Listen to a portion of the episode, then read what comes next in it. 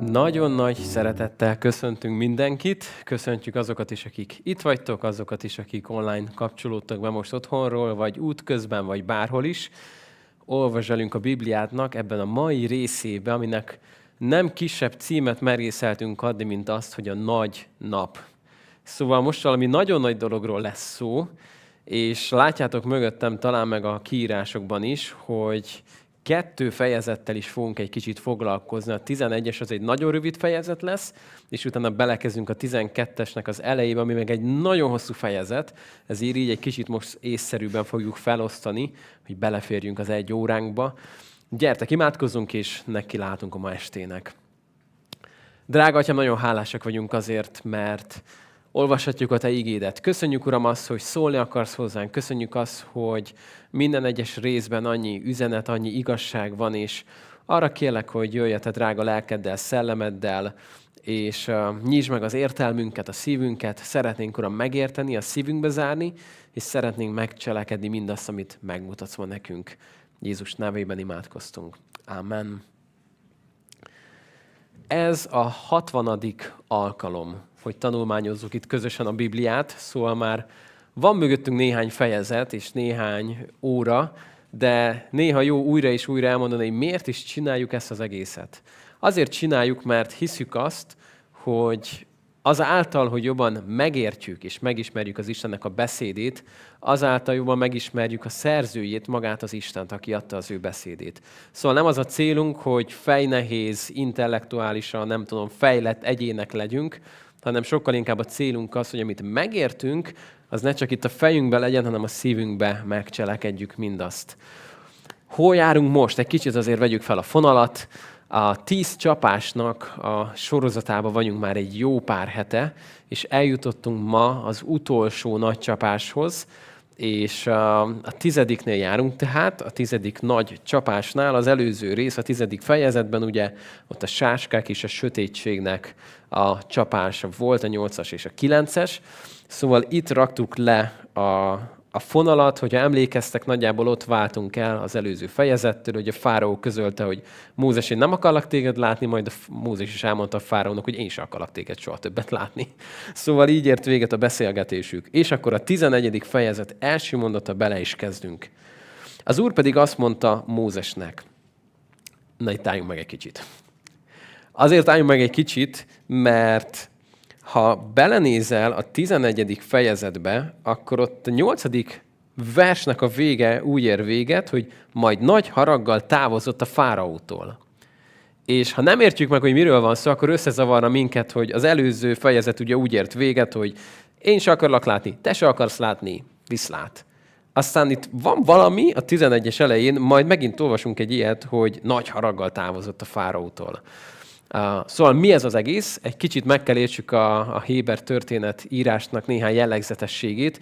Szóval ott van, ott van Mózes a fáraónál, elmondja a fáraó, hogy soha többet nem akarlak látni, Mózes elmondja, hogy én sem akarlak soha többet látni, majd folytatódik a mondat, tehát ugye ezek a fejezetek ne tévesztenek meg minket, ez egy, ez egy folyó esemény, amit itt olvasunk, és szó szerint azon írva Héberül, hogy az Úr pedig mondta Mózesnek, de itt a hangsúly azon van, hogy a múlt időn. Hogy az Úr ezt már mondta Mózesnek, és elmond nekünk valamit, amit az Úr már korábban mondott Mózesnek, zárójelbe, majd a zárójel végén folytatja viszont, ugye visszamegy az esemény láncolathoz, hogy majd nagy haraggal távozott Mózes a fáraótól. Tehát amit itt fogunk olvasni, itt az első verstől a nyolcadikig, itt Mózes nekünk leírja, hogy az Isten mit mondott neki ezzel kapcsolatban, és majd visszatér az eseményhez, hogy és akkor elmentem a fáraó elől. Csak talán ez fontos, hogy értsük is, hogy mi történik itt. Na, mit mondott az Isten Mózesnek? Még egy csapást hozok a fáraóra és Egyiptomra, azután elbocsát titeket innen. Mi történik itt? Mózes megtudta végre azt, hogy igen, hogy az utolsó, vagyis megtudta, hogy hány darab csapás. Innentől kezdve már ő is tudta, hogy akkor tíz. Mert eddig ugye neki annyi volt csak mondva, hogy most sem engedett el, tudtam, hogy nem fog elengedni, előre megmondtam, menj, ez a következő, ez a következő, ez a következő. Szóval lehet, hogy Mózes nem is sejtett, hogy itt most, most 200 csapás lesz, vagy mi fog itt történni, de itt azt mondja neki az Isten, hogy akkor még egyet hozok fel. Innentől már teljesen tiszta, hogy most jön az utolsó, akkor mindenestül elbocsát, sőt, kiűz titeket innen. Szólj azért a népnek füle hallatára, hogy kérjen minden férfi a szomszédjától, minden asszony a szomszédasszonyától ezüsttárgyakat és aranytárgyakat. Az úr pedig kedvessé tette a népet az egyiptomiak előtt. Ezt egy kicsit azért értsük meg. Szóval itt nem arról van szó, hogy kirabolják az egyiptomiakat. Nem arról van szó, hogy kölcsönkérnének dolgokat, amiket majd nem adnak vissza. Itt arról van szó, hogy egyrészt miért kellenek nekik ezek a dolgok? Mire lesz ez majd jó? Ezüst, arany, meg mindenféle kencefice, meg különleges anyagokat kapnak. Hát valamiből kell majd nekik, például a Szent Sátornál, egy csomó mindent felhasználni, aminek egy nagy részét lehet, hogy pont innen kapják, és ezeket használják fel. Lesz egy másik rész, amit nem olyan nemes célokra fognak felhasználni, de azt most engedjük el még, az majd kicsit odébb lesz. Szóval egyrészt ennek volt értelme ennek a kérdésnek, másrészt viszont ne felejtsük el, hogy a zsidók az elmúlt 400 évben itt nem pihentek, tehát nem nyaraltak, hanem mit csináltak? Dolgoztak méghozzá éjjeltől nappalig, nem nappaltól éjjelig, de amúgy éjjeltől nappalig is lehet. Sőt, az utolsó fázisban már olyan elképesztő ütemben dolgoztak, hogy a fáraó, amit meg tudott tenni, megtette, hogy igazából már csak gondolkodni, meg lázadni sem maradjon idejük, meg erejük. Tehát elképesztő sokat dolgoztak. Mit gondolunk, hogy mennyi juttatásért, milyen fizetésért? Erre van egy szakkifejezés, hogy rabszolgák voltak. Szóval annyit kaptak ezért, amennyit egy rabszolga kap. Ezért egy teljesen jogos dolog az, hogy ne üres kézzel hagyják el Egyiptomot, hanem ami járt volna nekik, annak valószínűleg egy töredéke az, amit ők elvittek magukkal, de ezt ők majd később fel fogják használni, tehát itt nem arról van szó, hogy itt most ők tönkre akarják ezzel tenni Egyiptomot.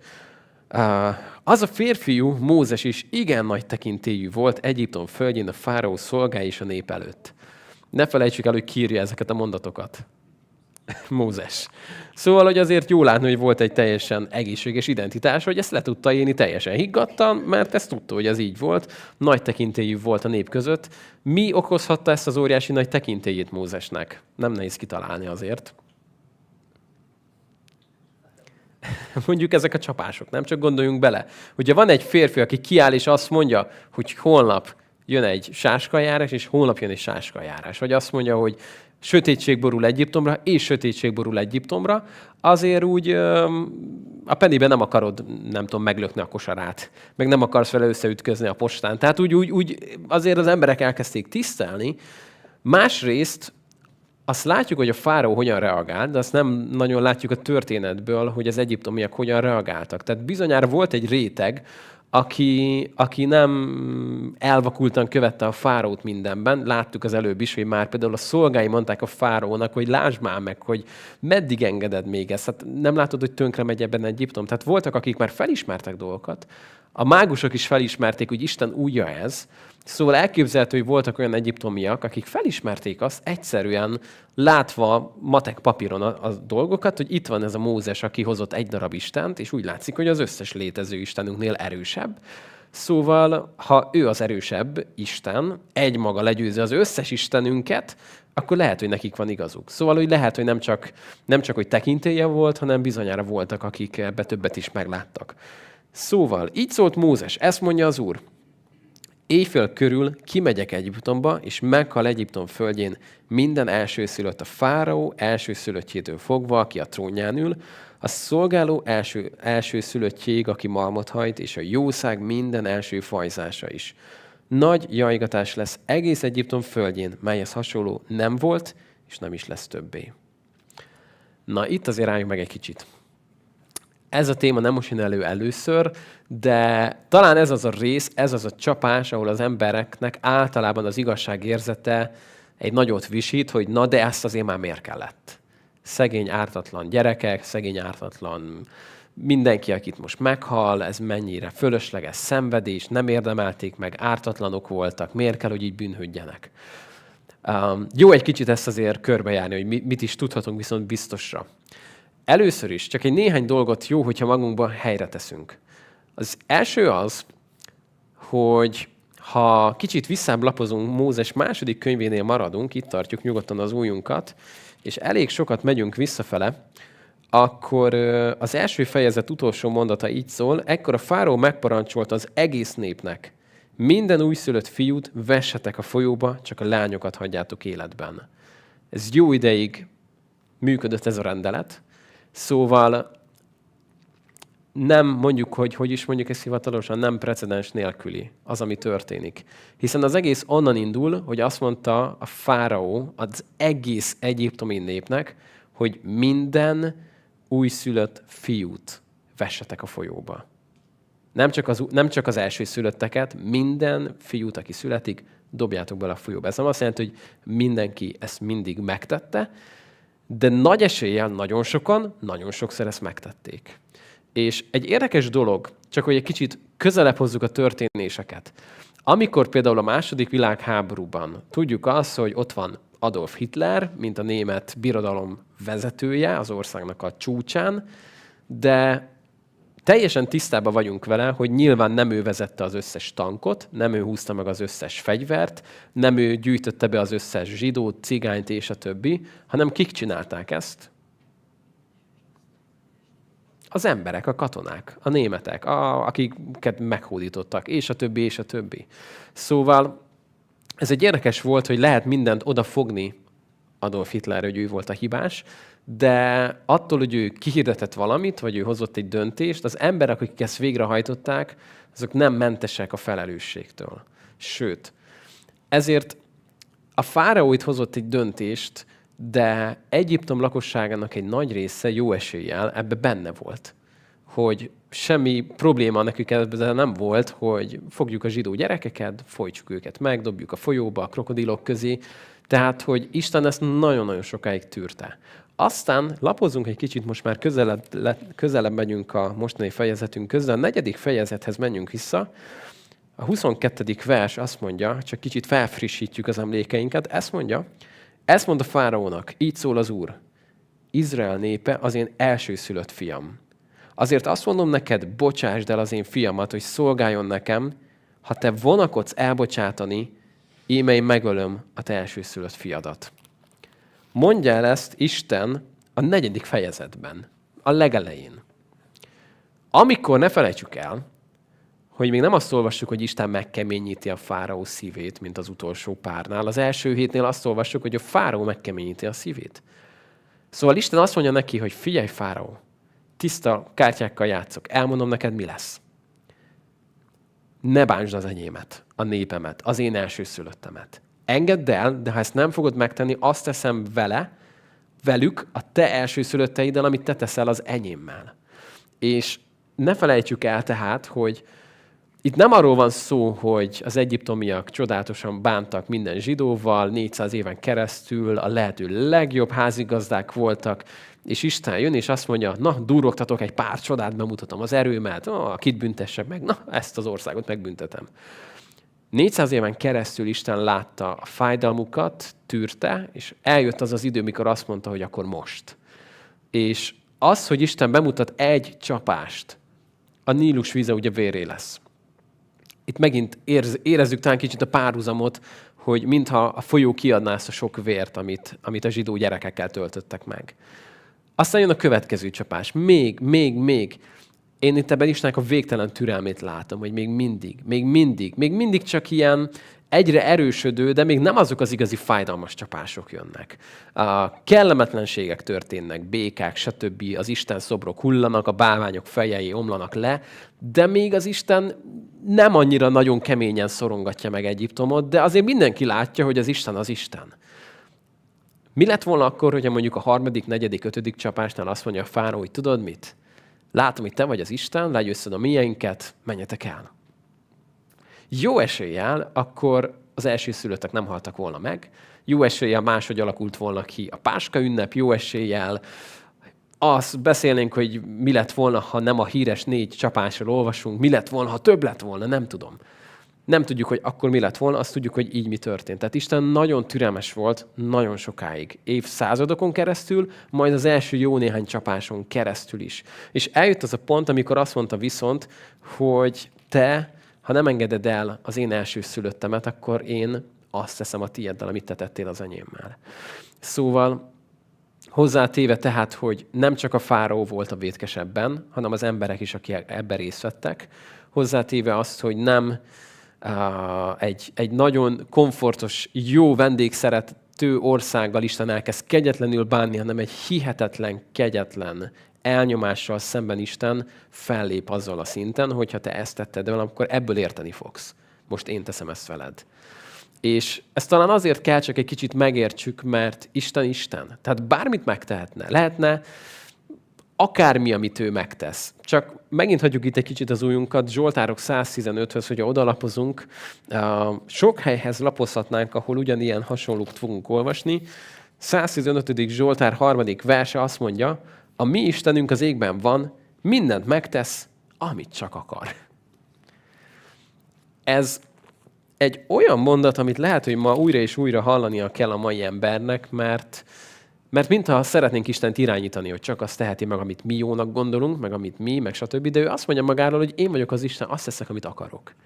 A legnagyobb kegyelem és a legnagyobb igazság, hogy ezzel a hatalmával ő nem visszaél, és nem azt mondja, hogy lehetnék hozzád kegyelmes, de tudod mit? Inkább nem. Kínozni foglak a következő 40 évben. Hanem ő ezzel a hatalmával a kegyelmét és az igazságát adja nekünk, de elmondja azt, hogy ő az Isten, bármit megtehetne, nem? És ezért, hogy amikor mondjuk már azt olvassuk, hogy most már ő keményíti meg a fáraó szívét, hogy bemutassa hatalmát, megteheti? Persze, hogy megteheti. Miért ne tehetné meg? Szóval itt járunk tehát. Egy érdekes dolog, hogy külön kiemeli itt, visszamegyünk akkor a 2 Mózes 11-hez, külön kiemeli azt, hogy a fáró elsőszülöttjétől fogva egészen a szolgáló elsőszülöttjéig. Ez megint egy érdekes dolog, hogy az egyenlőség, hogy nem azt mondja, hogy van az elit, meg van a szegény, meg van az ilyen, meg, hanem azt mondja, hogy teljes nép, mindenki. Nincsen különbség ebben. Ebben nincsen különbség, de nézd a következőt, a hetedik mondat. De Izrael fiai körében az ebb sem ölti ki nyelvét senkire, sem emberre, sem állatra. Ebből tudjátok meg, milyen különbséget tett az Úr Egyiptom és Izrael között. Oké, okay, szóval mégiscsak van különbség, de nem abban, hogy uralkodó, meg szegény, hanem abban van különbség, hogy az Istennek a népe, meg nem, népe között. Ahogyan már láttuk a csapásoknál, hogy sötétség volt, de Gósen földjén ragyogó napsütés, gyönyörű világosság, ugyanígy most az látszik, hogy Isten azt mondja, hogy különbséget teszek. És ez azért fontos, mert vannak olyan alapelvei Istennek, amik visszaköszönnek újra és újra a Bibliában. Például, amikor ítéletet hirdet valahol, mindig azt látod, hogy megjelenik a megmenekülésnek az útja. Tudunk erre példát? Kiirdeti azt, hogy jön az özönvíz, majd ott van Noé, ami száz évig épül kávé egy bárka. Az nem látta csak, aki nem akarta. A, ott van Matusále. A, nem megyünk vissza, jó sokat beszéltünk ezekről. De, de mindig látjuk azt, hogy kihirdeti mondjuk, hogy elpusztul Sodoma és Gomora, de ott van Lót, akit meg kimenekít onnan, kiemel. Szóval azt látjuk, hogy Isten különbséget tesz bizonyos helyzetekben, azokban a csapásokban, amiket ő indít el, mint ítéleteket. És ez azért fontos, mert emlékezzetek majd erre körülbelül 24 év múlva a jelenések könyvénél, jó? Ne felejtsétek el addig. Ugyanis ott azt fogod látni, ami, amiről elmondhatjuk azt, hogy vannak olyan nyomorúságok a Földön, amik mindenkit érintenek, ugye? Hogyha van egy nehéz gazdasági helyzet, rossz döntések, rossz politikai helyzet, az mindenkit érint. Keresztény, nem keresztényt, hitetlent, ateistát, buddhistát, mindenkit érint. Vannak olyan helyzetek, amik mondjuk csak a keresztényeket érintik, mondjuk egy keresztény üldözés. De a jelenések könyvébe emlékezzetek majd, hogy lesznek olyanok, amikor azt látod, hogy a nyomorúság már nem fog mindenkit érinteni. Az a fajta csapás, amit az Isten irányít. Mert itt azt olvasod, hogy különbséget teszek. Azért azt mondja, hogy ebből tudjátok meg, hogy különbséget tett az Úr Egyiptom és Izrael között. Na, menjünk tovább. Mindezek a szolgáid eljönnek hozzám, leborulnak előttem a szavakkal. Menj ki az országból, te és az egész nép, mely téged követ, és én csak akkor megyek el. Majd nagy haraggal távozott a fárótól. Szóval itt van vége a beszélgetésnek, annak, ami már a tizedik fejezetben is volt, hogy nagy haraggal távozott a fárótól. Az úr pedig azt mondta Mózesnek, azért nem hallgat rátok a fáraó, hogy csodáim megsokasodjanak Egyiptom földjén. Na jó, itt megint álljunk meg egy kicsit. Szóval itt nagyon fontos látnunk azt, tehát, hogy a fáraónak megvolt nem egyszer, nem kétszer, sokszor a lehetősége, hogy ő maga jó döntést hozzon, ő maga döntött úgy, hogy megkeményítette a saját szívét, és ezek után viszont az Isten, mikor már azt mondta neki, hogy tudod mit, akkor legyen úgy, ahogy akarod, de akkor most már így lesz. Erre hadd hozzak nektek egy példát. Megint itt vagyunk az ujjunkat. Menjünk el egy kicsit messzebb, mondjuk a jelenések 22-ig. A lehető legmesszebb ugrunk innen. A jelenések 22-ben van egy nagyon érdekes mondat, a Bibliának a leges-leges-leges legvégén. Jelenések 22-ben azt mondja a 11. vers, aki igazságtalan, legyen igazságtalan ezután is. Aki mocskos, legyen mocskos ezután is. Aki igaz, igazságot cselekedjék ezután is, és aki szent, az legyen szent ezután is. Kicsit olyan ez, mint amikor képzeld el a következőt, hogy dolgozunk, nem tudom, agyaggal, gyurmával, bármivel, amit könnyen tudsz formálni, és, és van egy órád, a, az első órád az iskolában, 8-tól 8.45-ig, amikor van arra időt, hogy kitaláld, hogy milyen formát készítesz és, és ö, van egy csomó időd, a tanár körbejár, tanácsokat ad, te újra gyúrod, á, mégse így, akkor inkább így legyen, á, nem, inkább így, alakítok rajta, stb. Kicsengetnek, véget ér a szünet, és bejön a, eljön a második óra, amikor képzeld el, hogy az ablakon bejön egy ilyen betonpumpa, és mindegyik vájadban, amit a gyerekek elkészítettek, belemegy a beton, és azt mondják, hogy na, akkor ez a végső? Jó, ez a, ez a végső? Így marad? Jó, akkor jöhet a beton. És akkor belemegy a beton az összesbe. És onnantól kezdve viszont már az van, hogy amit csináltál, az már olyan lesz. Volt egy órád arra, hogy eldöntsd, hogy milyen formát szeretnél, csináltál volna elefántot, de te egeret akartál, vagy nem tudom, csináltál volna egyenes, de te inkább kör alakút akartál, teljesen mindegy. A tanár azt mondja, hogy jó, gyerekek, akkor mindenki kész? Kész mindenki? Igen? Oké. Okay. Akkor jön a beton. Ami egér, az most megér. Ami elefánt, az ezután is elefánt lesz. Ami meg, nem tudom, gyík, az meg gyík. És az már marad. Beton biztos lesz. Szóval ez csak azért üzenet talán nekünk, hogy megértse az ember azt, hogy nem biztos, hogy mindig teljesen számolhatunk azzal az eshetőséggel, hogy majd én majd még megtérek egyszer, nem? Hallottunk már ilyet? Másoktól nem, mi sose gondolunk ilyet, ugye? Tudod, hogy valami nem jó, de majd egyszer még majd én azon alakítok az életembe. Ami biztos, hogy amíg nem csengetnek, addig még tudod formálni azt az agyagot. És, és addig, addig van arra lehetőséget, hogy újra gyúrt, a Istenhez gyere, stb. stb. De, de van az a szint, azt látod a jelenéseknél is, amikor az történik, hogy oké, okay, drága gyerkőcök, véget ért ez az óra, jön a betonpumpa. Amit csináltál, az már így marad. Emlékszek egyszer arra, úgy kaptam egyest egyszer programozásból, Turbo Pascal, fantasztikus, csodálatos programozási nyelv, mindenkinek ajánlom, hogy kerülj el messze, de megcsináltam a feladatot, fantasztikus, gyönyörű lett, minden működött, leellenőriztem, csodálatosan fut a program, és uh, kellett még egy utolsó uh, parancsor a végére, ki kellett törölni az egyik fájt, ami már, amire már nem volt szükség. Megcsináltam. A tanár úr mondta, hogy na utolsó billentyű, jó, ütöttem egy nagy entert, és akkor néztem meg, hogy nem a fájt töröltem, hanem a mappát, amiben dolgoztam. És akkor így mondom, hogy tanár úr, lehet nem, nincs több, de nem lehetne csak, hogy nem. És akkor így körbejött, mutatta, hogy na, mutassa Uzanyi. Hát ő, itt van. Hát ez semmi. Igen, ez semmi. Hát ez egyes. Ah, köszönöm, tanár úr. Szóval, hogy annyira bántam azt, hogy már nem tudtam utána akár csak annyit, hogy egy Z-t kipróbálhatnék, hogy visszavonja, vagy nem tudom. Nem tudtam már még egy billentyűt megnyomni. És amit leütöttem, az ott lett leütve. Szóval valami ilyesmit látunk a fáraónál, hogy azt mondja az Isten, hogy leütött valamit most már a fáró elég sokszor, véget ért az óra, és azt mondja, hogy most már azért nem hallgat rátok, hogy csodáim megsokasodjanak Egyiptom földjén.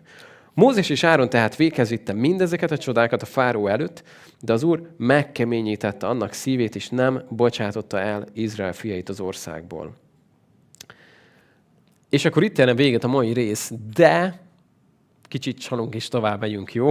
Mert érezzük azt, ha megnézed a, 12, a következő fejezetet, hogy mennyire hosszú, akkor megérted, hogy miért megyünk egy kicsit bele, mert lehetetlen lenne egy alkalom alatt azt majd átvenni, szóval most nagyon, nagyon-nagyon-nagyon jól jön ki, hogy így szépen bele tudunk egy kicsit menni. Szóval a 12. fejezet, mondhatni azt, hogy a zsidóság számára az egyik legfontosabb fejezet az egész Bibliából.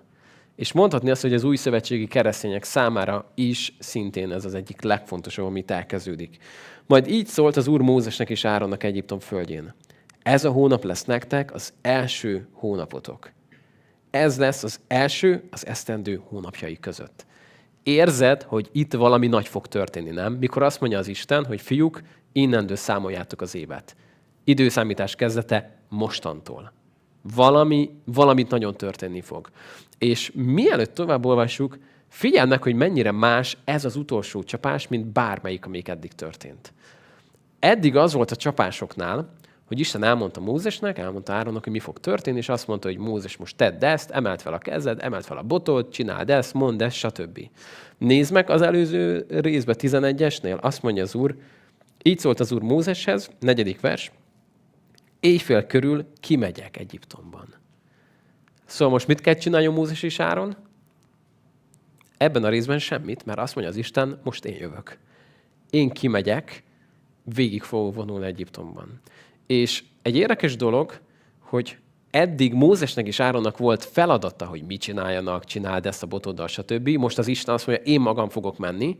És eddig a népnek nem volt dolga a csapásokkal kapcsolatban, most viszont bejön egy egészen más szitu, amikor Isten el fogja mondani, hogy most pedig az fog történni, hogy fogtok egy bárányt. Na, mindjárt eljutunk oda is.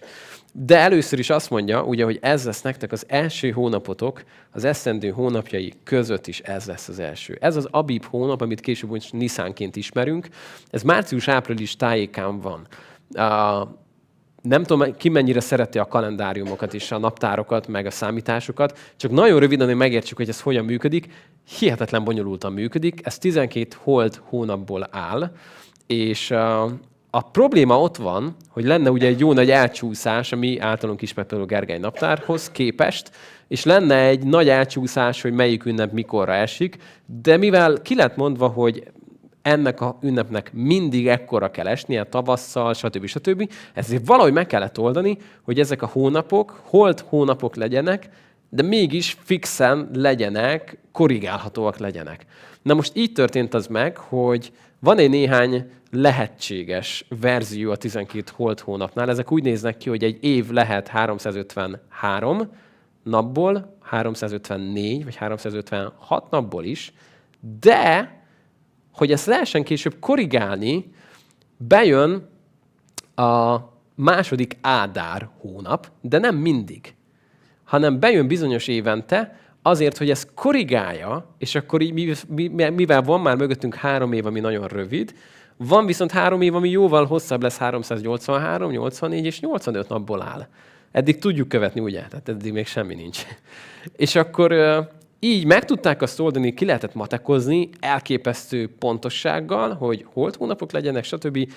A második ádár bejön, korrigálja a dolgokat, és gyönyörűen minden matematikai pontossággal a helyére billen, és akkor Nisztán lesz az első hónap, március-április tájékán, ami azt jelenti, hogy a korai, uh, szóval ez, a szó is valami ilyesmit jelent, erre utal, hogy az eleje, és uh, így mindig a páska, meg stb. Ezek, ezek olyan ünnepek, amik mindig ide fognak majd kerülni. Um, ez még egy kicsit még bonyolultabb lesz, mert minden hetedik esztendő, az minek lesz az esztendeje? Elengedés esztendeje. Hallottunk már erről, az elengedés esztendejéről? Mikor valakivel, akár nem tudom, csak játszottunk, és elvesztettem még gyerekként egy csocsó meccset, és lógtam neki két túrórudival, mindig próbáltam kijátszani, hogy nem most jön az elengedés esztendeje, hogy el kéne engedni nekem a tartozásomat. De hogy még bonyolultabb legyen, 50 évente pedig jön a, egy nagyon különleges év, arról majd sokat fogunk beszélni Ézsaiás könyvénél, egy, egy bizonyos szabadulásnak az esztendeje, amikor viszont a rabszolgák felszabadulnak, visszanyerik a földeket. Szóval elképesztő, hogy Isten hogyan találta ki. Tényleg elképesztően csodálatosan ki van találva az egész rendszer. Szóval uh, talán itt ez a fontos megérteni az, hogy itt jön egy új időszámítás. Ez teljesen szakít minden egyiptomival, és mostantól egy új nép, egy új időszámítással indul el, megalapozva az egészet. Elég annyit megjegyzünk, hogy 19 évente hétszer van egy ilyen második Ádár hónap, jó? De nem biztos, hogy otthon ezt kell számold magadnak, mert szerintem én belebolondulnék. A lényeg az tehát, hogy azt mondja az Isten, hogy ez legyen tehát akkor az új hónap, és néz, azt mondja, így szóljatok Izrael egész gyülekezetéhez, e hónap tizedikén mindenki vegyen magának egy bárányt, háznépenként és házanként egy bárányt. Most jön tehát az első nagy ünnepnek a kihirdetése. És nagyon sok tanulság van ebben. Az egyik az, hogy nélkülözhetetlen kellék ennek az ünnepnek micsoda, először is egy bárány, vagy majd látjuk, hogy kos, és mi kell még ahhoz, hogy ünnepelni lehessen? Emberek, család, háznép. Szóval nem azt mondja Isten, hogy figyeljetek, lesz egy nagy ünnep, mindenki, nem tudom, énekelj el otthon a himnusz, dőljön hátra, este lesznek jó filmek a tévében, nézze nyugodtan, egyedül is klassz lesz, hanem azt mondja, hogy ezt, ezt csak úgy lehet majd megünnepelnetek, hogy háznépek. És ha valahol nincsen elég, akkor szomszédok összejöttök. Muszáj. Legalább tizen, ott kell legyetek. Ez nekünk azért jó, hogy ez így lett számba adva, mert így könnyen ki tudjuk számolni, hogy mikor számolták, hogy a Páska ünnep során hány bárányt öltek meg az áldozatoknál, akkor könnyűn ki tudtuk számolni, hogy legalább hány ember vett részt az ünnepeken. Innen tudjuk, hogy akár kettő és fél millió ember volt Jeruzsálemben az ünnepek során Jézus idejében. Mert valaki megszámolt, hogy hány bárányt áldoztak fel például. Szóval azt mondja, háznépenként, házanként egy bárányt, ha a háznép kevés a bárányhoz, akkor a házához közel levő szomszédjával együtt vegyen a lelkek száma szerint. Ki ki amennyit meg tud enni, úgy számítsák a bárányt. Szóval először is azt mondja Isten, hogy ez egy közösségélmény lesz. Az egész népnek lesz az ünnepe, de a nép megéli ezt családonként, háznépenként. Ebben óriási erő van. És talán talán nagyon sokszor azt lehet mondani, hogy a mai egyház azért lett erőtlen, mert erőtlenek a családok. Tehát, hogy a családok nincsenek megerősödve, akkor mikor a családok összejönnek gyülekezetbe, akkor a gyülekezet is erőtlen lesz, hiszen nagy, nagyon sokszor ugye ez családokból tevődik össze. És itt látjuk azt, hogy Isten nagyon komolyan gondolja, hogy ez legyen ott a családban, a háznépnél. Jöjjenek össze. Egy érdekes dolog, hogy azt mondja, hogy a tizedik napján ugye mindenki vegye magához egy bárány, de nem a tizediken kell majd megölni, hanem majd a tizennegyediken. Sőt, később meg még több idő lesz együtt a bárányjal. Szóval képzeld el a következőt.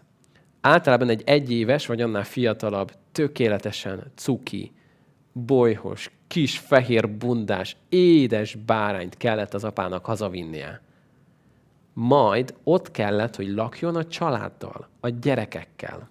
Hosszú napokon keresztül. Majd az apa le kellett, hogy jöjjön ezt a bárányt. Na most csak képzeld el. Én ezt most csak végig gondolom. Hazavinnék egy édes, cuki, nagy, bundás, gyönyörű kis barikát, aki ott alszik velünk, ott béget reggelente, a gyerekek odabújnak hozzá, napokon keresztül becézgeti, kiátszhat vele, veszekednek rajta, majd eltelik néhány nap, és azt látják, hogy apa fogja, kiviszi és megöli. Ez borzasztó tragikus sok, nem? Hogy, hogy láttuk, velünk volt, velünk lakott, és most meg látjuk meghalni. Ez az a része az, az Ószövetségnek, ami mondhatni azt, hogy az egész az Új Szövetségről szól. Miért nem azt csinálta Isten, hogy eljött Jézus, 33 évesen leereszkedik a mennyből, sziasztok, én vagyok Jézus, 33 éves vagyok, már a Tóra szerint is taníthatok, a Talmud szerint is, elmondom nektek gyorsan az üzenetet, majd öljetek meg. Miért nem ez történt? Az történt, hogy itt született, azt mondja János, közöttünk lakott, láttuk az ő dicsőségét, mint az atya egyszülöttjének dicsőségét. Három éven keresztül tanított Izraelben, faluról falura járva. Az emberek megismerték, kötődtek hozzá, megszerették. A tanítványok az életüket kötötték hozzá, érzelmileg minden téren, és majd látniuk kellett ezt a bárányt, ahogyan megölik. Minden egyes évben átélték a családok ezt a páskánál. Venni azt a cuki bárányt, az ártatlant, a tökéletest, majd megölni azt a cuki bárányt. Na de menjünk még, mert ez még csak épp hogy a bevezetője. A bárány épp, hím, egyesztendős legyen. Hát itt egy pillanat rájunk meg. Azt mondja Péter a levelében, hogy nem veszendő dolgokon váltottunk meg ezüstön vagy aranyon, hiába való életmódtól, amit apáinktól örököltünk, hanem drága véren a hibátlan és szeplőtlen báránynak Jézusnak a vérén. Amikor bárányt választottak a zsidók, akkor nagyon fontos volt az, hogy ereje teljébe legyen, tehát ilyen egyéves, amikor már kifejlett a legszebb, a legjobb állapota, tökéletes legyen, egészséges legyen, hiba nélküli. Mert újra és újra átelik majd az Ószövetségben, hogy hozzák az emberek az áldozati állatokat, és a papnak minden egyes esetben meg kell vizsgálnia kicsodát, vagy micsodát. Az áldozatot, nem? Nem az embert vizsgálják, hát az ember egyértelmű, hogy bűnös, azért hoz áldozatot, ugye? Ha nem lenne bűnös, nem lenne szüksége áldozatra. Ő hozza az áldozatot, ő bűnös, egyértelmű. A papnak az volt a dolga, hogy megvizsgálja az áldozatot. Hogy az áldozat átmegy a szűrőn, hogy tökéletes. És gyakran azt mondták, hogy nem jó. Hozza a másikat. Ez nem tökéletes. Ez nem felel meg. Nem épp, nem jó. És ez miért fontos nekünk? Azért, mert amikor az Istenhez megyünk, akkor ezt nagyon fontos megértened, hogy az Isten az áldozatra tekint, amit Jézus Krisztus végzett el. Ha rám tekintene, vagy rád tekintene, melyik, melyikünk lenne az épp, tökéletes, hibátlan? Egyikünk se nem. És amikor nemrég beszélgettem egy-két napja valakivel egy lelki gondozásban, és mondja, hogy de én nem érzem magam méltónak, mit kell még tegyek, hogy elég jó legyek az Istenhez? És akkor beszélgetünk erről, hogy drágám, azt mondja az ige, hogy az Isten a bárányt nézi. Nem téged és nem engem, mert egyikünk se lenne elég jó. De azt mondja a zsidókhoz írt levél, hogy egyetlen áldozatával örökre tökéletesítette a megszentelteket. Nem azért, mert mi tökéletességre jutottunk el magunktól, mert azt mondja Pál, hogy erre, erre képtelenek vagyunk, lehetetlen, hanem azért, mert tökéletes lett az áldozat. János 1.29-ben azt olvasott, hogy János meglátja Jézust, oda mutat a tanítványának, és azt mondja, hogy íme az Istennek a báránya, aki hordozza a világ bűnét. Íme az Isten báránya, aki hordozza a világ bűnét. 1 Korintus 5.7-ben azt mondja Pál, hogy Krisztus a mi húsvéti bárányunk feláldoztatott. Szóval itt jön egy olyan kép, amely mindennél beszédesebben beszél nekünk arról, hogy ami történik, az azért történik. Azért van most erre szükség, mert itt Isten létrehoz egy előképet amit a népe minden egyesében meg fog tenni. Minden egyesében újra és újra fogják gondolni, míg elvezeti őket Krisztushoz. Nézd, az még most jön csak a java. Juhot vegyetek, vagy kecskét. Tartsátok magatoknál le hónap 14. napjáig. Akkor este felé vágja le Izrael egész gyülekezetének közössége. Azt mondja, vegyenek a vérből, és azokban a házakban, ahol megeszik, hincsenek belőle a két ajtófélre és a szemöldök fára. A húst pedig egyék meg még akkor éjjel. Ez megint egy döbbenetes előképe annak, amit Jézus tesz értünk. Azt látod, hogy a bárány két dolgot tesz egyszerre. Valamit tesz a vérével, és valamit tesz a húsával. A vérével befedezi a családot, a húsával pedig táplálja a családot. Ez nem egy elképesztő előkép Jézusnak? Aki két dolgot tesz az életünkben, befedez minket a vérével, közénk és a büntetés közénk áll, közénk és a megérdemelt halál közé áll.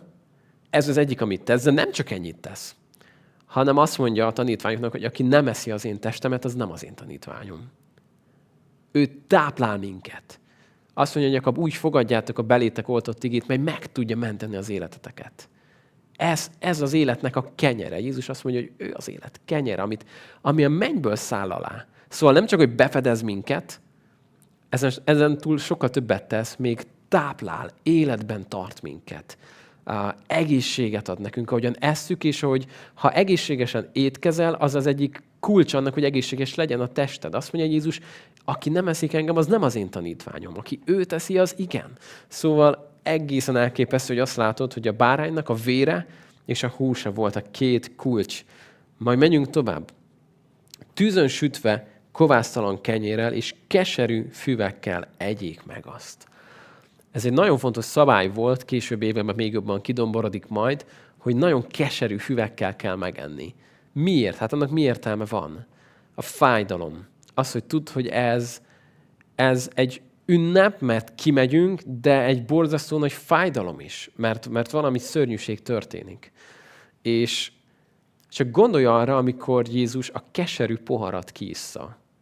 Helyetted is helyettem. Amikor ott imádkozik a Gecsemánéban is, azt mondja, hogy atyám, ha lehetséges, akkor távozzék -e tőlem ez a pohár. Ez megint egy olyan kifejezés volt, amit minden zsidó férfi teljesen értett, hogy itt, itt lehet mi néznénk, hogy nem ismernénk, hogy milyen pohárat volt nálam, vagy pohár, vagy miről beszél. Ott a páskán, amikor különböző poharakra volt szükség, és volt a keserűség, a fájdalom pohara. Minden bizony Jézus erre gondol, hogy ezt eltávozhatna tőle, de ne az én akaratom legyen meg, hanem a tiéd. Jézus kiitta értünk ezt a poharat. Hogy majd azt mondja, hogy abból a pohárból majd csak velünk fog fent venni a mennyben újra a szőlő terméséből, amit úgy hívnak, hogy a dicsőség pohara. Azzal megvár minket. De a keserűség poharát nem kellett neked, meg nekem kígyjuk, mert Jézus azt kiitta. És ez a keserűség, amit használniuk kellett, ez megint egy elképesztő előkép. Ne egyetek abból nyersen vagy vízben főtten, hanem tűzön sütve, fejét a lábszáraival és belsejével együtt. Csak egy pillanatra ugorjunk a fejezet végére. Itt még van egy érdekes hozzátétel a 46. versben. Azt mondja, mikor majd újra ismételi, ott a házban egyék meg, a házból ne vigyél ki húst, csontot se törjetek össze benne. Érzed a párhuzamot, mikor azt olvasod Jézus keresztefeszítésénél, hogy mikor el akarták volna törni a csontját, amit minden esetben megtettek a római katonák keresztrefeszítés után, mikor látták, hogy még valaki életben lehet, a térdet mindig hátra törték, végül mégsem tették meg, hogy beteljesedjen az írás, csontja ne töressen. Szóval egészen döbbenetesen, fantasztikusan összekapcsolódnak itt a történetek. Ne hagyjatok belőle reggelre, vagy ami megmarad belőle reggelre, azt tűzzel égessétek meg. Ilyen módon egyétek meg, derakatokat övezétek fel, sarutok a lábatokon, bototok a kezetekbe legyen, nagy sietséggel legyétek, az Úr páskája ez. A páska szó az egy, egy olyan szógyökből jön, ami, ami leír ezt az egészet, az egész jelenséget, és leginkább talán pont a következő mondat az, amik, amik a, a jelentését az adja, nézzétek a... Hol hagytam én abban? Igen. 12. vers. Átmegyek Egyiptom földjén ezen az éjszakán, és megölök minden első szülöttet Egyiptom földjén, embertől kezdve állatig, Egyiptom minden istene fölött ítéletet tartok. Én az Úr. És a vér jelű lesz nektek a házakon, melyekben vagytok. Meglátom a vért, elmegyek mellettetek. A szónak a gyöke egy olyan jelentést hordoz, hogy kihagy, tovább lép. Innen jön a kifejezés, hogy páska hogy ezt tette az Isten majd. Amikor elmondja, hogy eljövök, itt most nem Mózes fog csinálni valamit, nem Áron fog csinálni valamit, én leszek az, aki végigvonulok. És igazságot szolgáltatok, amiről eddig beszéltünk, az első szülöttemet kikérem magamnak. És azt mondja az Isten, hogy ez a vér jelű lesz nektek a házak, amelyekben vagytok. Na most képzeld el, Számomra az egyik legfantasztikusabb, mikor megtért zsidó emberek beszélnek arról, hogy hogy értették meg végre a páskát. Amikor elmondja, hogy gyerekkorától kezdve ezt mindig olvasta, tanulta az egész családban, ez egy állandó dolog volt, hogy ez, ez onnantól kezdve, hogy megtanult beszélni, írni, olvasni, ez egy, ez egy bevett dolog volt az összes hagyomány, az összes uh, parancsolat, mindig kikérdezték, elmondta, stb. És amikor amikor behelyettesítette az ismeretlent, hogy de mi van akkor, hogy a Jézus tényleg az, akinek mondja magát, és azt látta, ahogy így az összes puzzle darab a helyére pillen. És így látja a bárányt, a páska bárányt, és látja Jézust, és azt mondja, hogy nem tört csontja, tökéletes hím, velünk lakott, velünk lakott, láttuk őt, vére folyt, kilenc óra, tehát így az egész összekattan, és azt mondod, hogy hogy nem láttam ezt eddig. Hogy nem láttam ezt eddig? Azt mondja itt az Isten, hogy ez a vér jelül lesz nektek a házakon. Meglátom a vért, és elmegyek mellette. Igazából ez az örömhír, nem? Ha szeretnéd egy mondatba, akkor megtaláltad kettő Mózesben. Még az új szövetség is jutottunk el, de itt van. Azt mondja az Isten, ha meglátom a vért, elmegyek mellette. Az ítélet nem sújt le. Jézus ezt mondja a farizeusoknak, hogy higgyetek bennem, beszél nekik, hogyha más nem legalább a cselekedetekért, de elmondja nekik, hogy a nem hisztek bennem, ha nem tértek meg, akkor az Isten haragja marad rajtatok. Vagyis ha nincs ott a vér az ajtófélfán, akkor nincs az, ami miatt tovább menjen az ítélet, hanem meg fog állni az ítélet annál a háznál. És erről beszél itt az ige, hogy van valami, egy sötét vér. Képzeld el, hogy ez milyen érdekes, nem? Hogy nem is volt annyira látványos. Tehát így lehet, hogy este ott bent azon, azon gondolkodtál, hogy, hogy fekete színű az ajtófélfa, korom sötét van, sötét vérrel bekentem. Látszik abból egyáltalán valami? Azt mondja az Isten, hogy meglátom a vért. Ő látta. Lehet, hogy kívülről te nem láttál volna semmit, nem látod, hogy melyik házon van és melyiken nincs. És nagyjából ez igaz az emberekre is, hogy, néha meg lehetne egymást téveszteni, nem? Hogy ki a hívő, ki a nem hívő, ki a képmutató, ki nem az, ki van igazán megtérve, ki csak mondja, stb. De azt mondja az Isten, meglátom a vért, megismerem. Isten nem lehet átverni, ő látja a vért. És ha valakinek a életén ott van a báránynak a vére, ő azt meglátja és megismeri. És feltehetünk egy jogos kérdést, nem? Hogy vajon volt olyan bolond ember Gósen földjén, aki nem tette ezt meg? Volt olyan? Végig gondolva azt mondhatnánk, hogy, hogy ki lett volna akkora ostoba, hogy végignézte a kilenc csapást. És elmondja Mózes, hogy most jön a tizedik a legnagyobb, az utolsó. Fogd a bárány, stb. stb. Nem tudjuk, hogy, hogy volt-e vagy nem, de hogy ez egy érdekes dolog, nem? Hogyha lett volna valaki, akkor azt mondtuk volna neki, hogy barátom, hát nincs neked agyad, még ha szíved nincs is, hogy lásd, hogy, hogy mi van. De néha érdekes, amikor kívülről nézve Isten hozzánk beszél, akkor lehet, hogy nekünk mondaná valaki, hogy hát Barna, hát nincs neked eszed, tehát nem látod, hogy Isten mit akar. Miért, miért, miért nem lépsz hittel? Szóval néha, néha nem olyan könnyű belülnézetből a dolog, de itt akinek volt hite, az ezt megtette. És ekkor, ekkor még ezek a zsidó emberek nem biztos, hogy sokat értettek ebből. Mi az, hogy páska? Mi az, hogy az úrnak a páskája? Miért kell, Miért kell elégetni? Miért nem lehet megfőzni vízben? Most miért, miért ne törhessük a csontját? Hát kicsi a fazék. Most miért kell egyáltalán megölni ezt a cuki bárányt? Annyi kérdésük lehetett. De egyetlen dolguk volt, hogy megtegyék azt, amit az Isten kért. és fejezzük be, azt mondja, és nem lesz rajtatok pusztító csapás, mikor megverem Egyiptom földjét. Itt van még egy-két nagyon érdekes dolog számomra. Az egyik az, hogy Miért kellett szerencsétlen állatokon is bosszút állni, nem? Miért kellett az állatok első szülöttjét? Ugyanúgy. Figyeld, mit mond az Isten? Azt mondja, uh, igen, ember, állat, igen, és figyeld, a 12. vers azt mondja, embertől kezdve állatig, Egyiptom minden istene fölött ítéletet tartok, én az Úr. Eddig Isten azt tette, hogy kiválasztott néhány híresebb, nagyobb, főbbnek számító istenséget, és azokon mutatta be a csapásokat.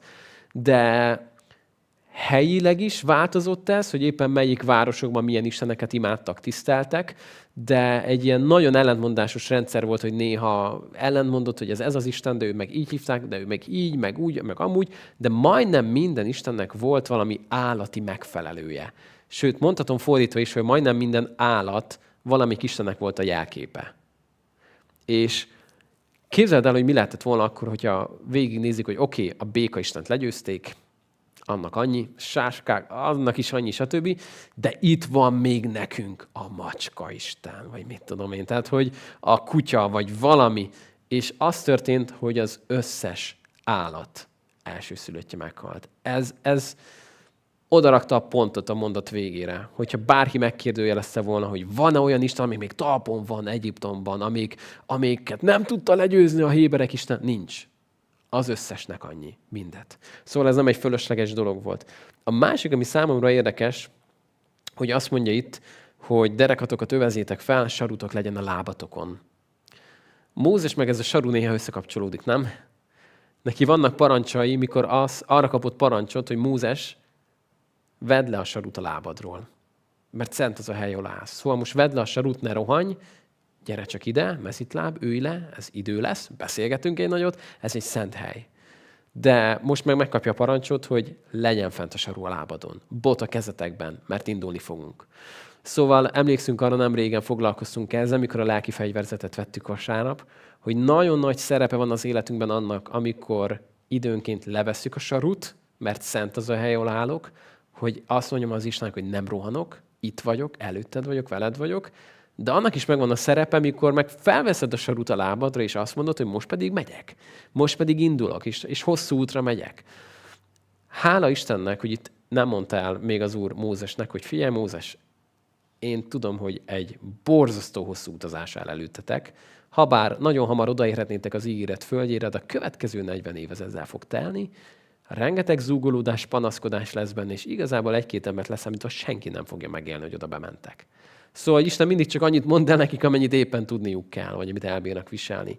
De azt mondja nekik, hogy készüljetek, bot, saru, öv, készüljetek arra, mert indulni fogunk.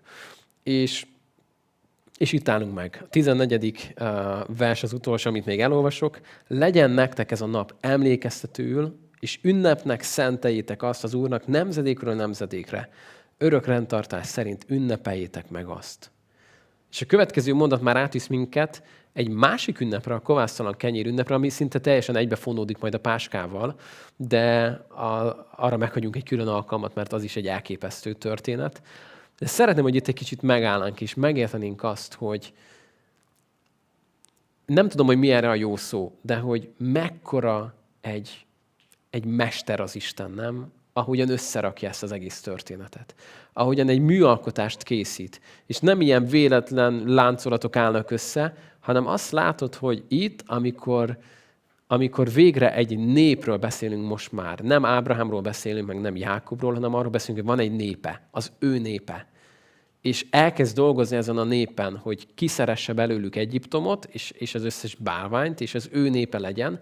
Ez egy látod, hogy milyen hosszú lesz. Tehát, hogy ez egy nagyon hosszú feladat lesz az Istennél, hogy felkészítse őket arra, hogy a messiás eljöjjön, de elképesztően aprólékosan dolgozik az Isten azon, hogy minden előre mutasson majd, mint egy óriási nagy, óriási nyíl az egész Ószövetség belemutat Jézus Krisztusba, hogy ím az Isten báránya.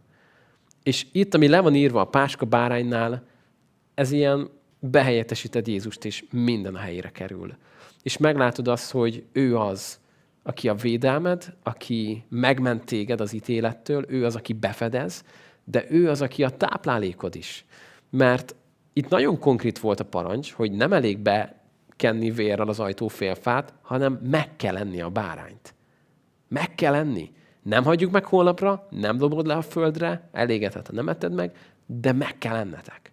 Szóval ez egy nagyon konkrét parancs a keresztényeknek, hogy nekünk nem az a dolgunk csak, hogy ah, Jézus vére van az életemen, újjá születtem, halleluja, engem hagyjatok végre békén.